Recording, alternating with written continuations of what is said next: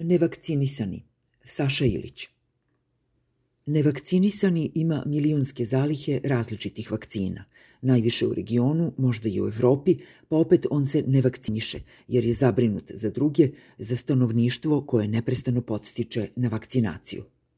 Šta više, on građani moli kao Boga, uz obećanje da će se sam vakcinisati prvom prilikom, možda u petak ili u ponedeljak, i to kineskom vakcinom koju proizvodi kompanija Sinopharm.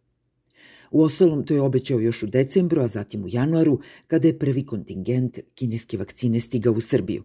Njegovi najbliži saradnici su odmah krenuli u promovisanje kampanje imunizacije. Premijerka Brnabić, Pfizer, ministar Vulin, Sputnik V, ministar Dačić, Sputnik V dok je najpravoverniji saradnik i partijski drug Nebojša primio upravo kinesku vakcinu. Dragan Marković Palma, kao jedan od redkih eurofanatika u Srbiji, pokazujući duboko razumevanje geopolitike vakcinacije, primio je Pfizerovo cepivo, izjavivši pritom da on nema pravo da se ne vakciniše. Palma nema, ali zato nevakcinisani ima. Međutim, sam čin vakcinacije nije u fokusu nevakcinisanog, jer da je drugačije, on bi to izveo na samom aerodromu po snegu, gde bi podigao rukav i primio spasonosnu dozu umrtvljenog virusa korone. Time bi simbolično započeo proces imunizacije u Srbiji, ali to se nije dogodilo, kao što je svojevremeno izostao sa čina potpisivanja ugovora o Beogradu na vodi sa investitorima iz Ujedinjenih Arapskih Emirata, kada je svoj potpis na problematičan papir morala da stavi njegova zamenica i bliska saradnica Zorana Mihajlović. U ostalom, nevakcinisani zna da je uvek, kada je opasno, dobro isturiti žene u prvi plan. On i onako radi u pozadini, gde se nalaze prave poluge vlasti. Da bi izbegao odgovore na dosadna pitanja novinara o sobstvenoj vakcinaciji, nevakcinisani se sreo sa ambasadorkom Kine u Srbiji, Chen Bo, čime je označio jedno novo poglavlje u privrednoj, zdravstvenoj i geopolitičkoj saradnji sa azijskim tigrom. Najavljeno je otvaranje fabrike u kojoj će se proizvoditi cepivo kineskog Sinofarma. Ovim bi naša zemlja, izjavio je nevakcinisani, dugoročno i strateški obezbedila redovno snabdevanje vakcinama i zaštitu zdravlja svog stanovništva kao i zemalja regiona. Ni tom prilikom nije rekao kada će se vakcinisati. Podrazumeva se i dalje da će uzeti Sinofarmovo cepivo, naročito sada kada je dogovorena i konkretna saradnja sa kineskom farmaceutskom kompanijom. No njegova objašnjenja o odlaganju vakcinacije ne prestaju da mutiraju kao novi sojevi korone. Najpre je to bilo utemeljeno na skromnosti i brizi za druge, što nalikuje kapetanskom upravljanju brodom koji tone. Dakle, prvo putnici, pa posada, oficiri i na kraju on, kapetan, ako ostane neka dozica. Ukoliko ne ostane ništa, onda on može da potone zajedno sa brodom, necepljen i sam, ali odan ideji državnosti, vakcinacije i ultimativnog zdravlja. Međutim, ovo nije potrajalo dugo.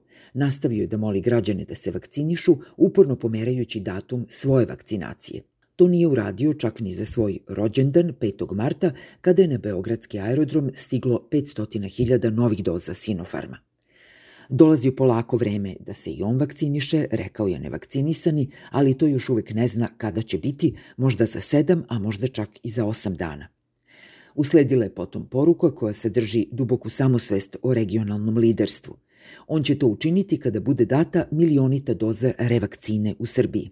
Dakle, kada nevakcinisani bude koliko toliko siguran, ne pre niti posle, nego nakon milion imunizovanih građana, među kojima su i svi oni koji ga kritikuju, pre svega novinari, koje je svojom antivakserskom milošću svrstao u prioritetne grupe za vakcinaciju.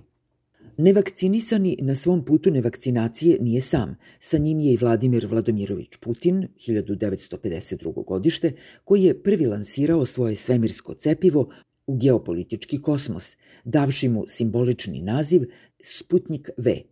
On je to učinio u avgustu prošle godine, nakon čega su na mrežama osvanule na hiljade mimova sa Putinom i vakcinom, među kojima je možda najfrekventniji bio onaj sa Putinom na medvedu i velikim špricom na leđima – Zato je već početkom decembra ovaj ruski superheroj naložio početak masovne imunizacije u Rusiji, koja će početi sa dve najugroženije socijalne grupe, lekarima i nastavnicima.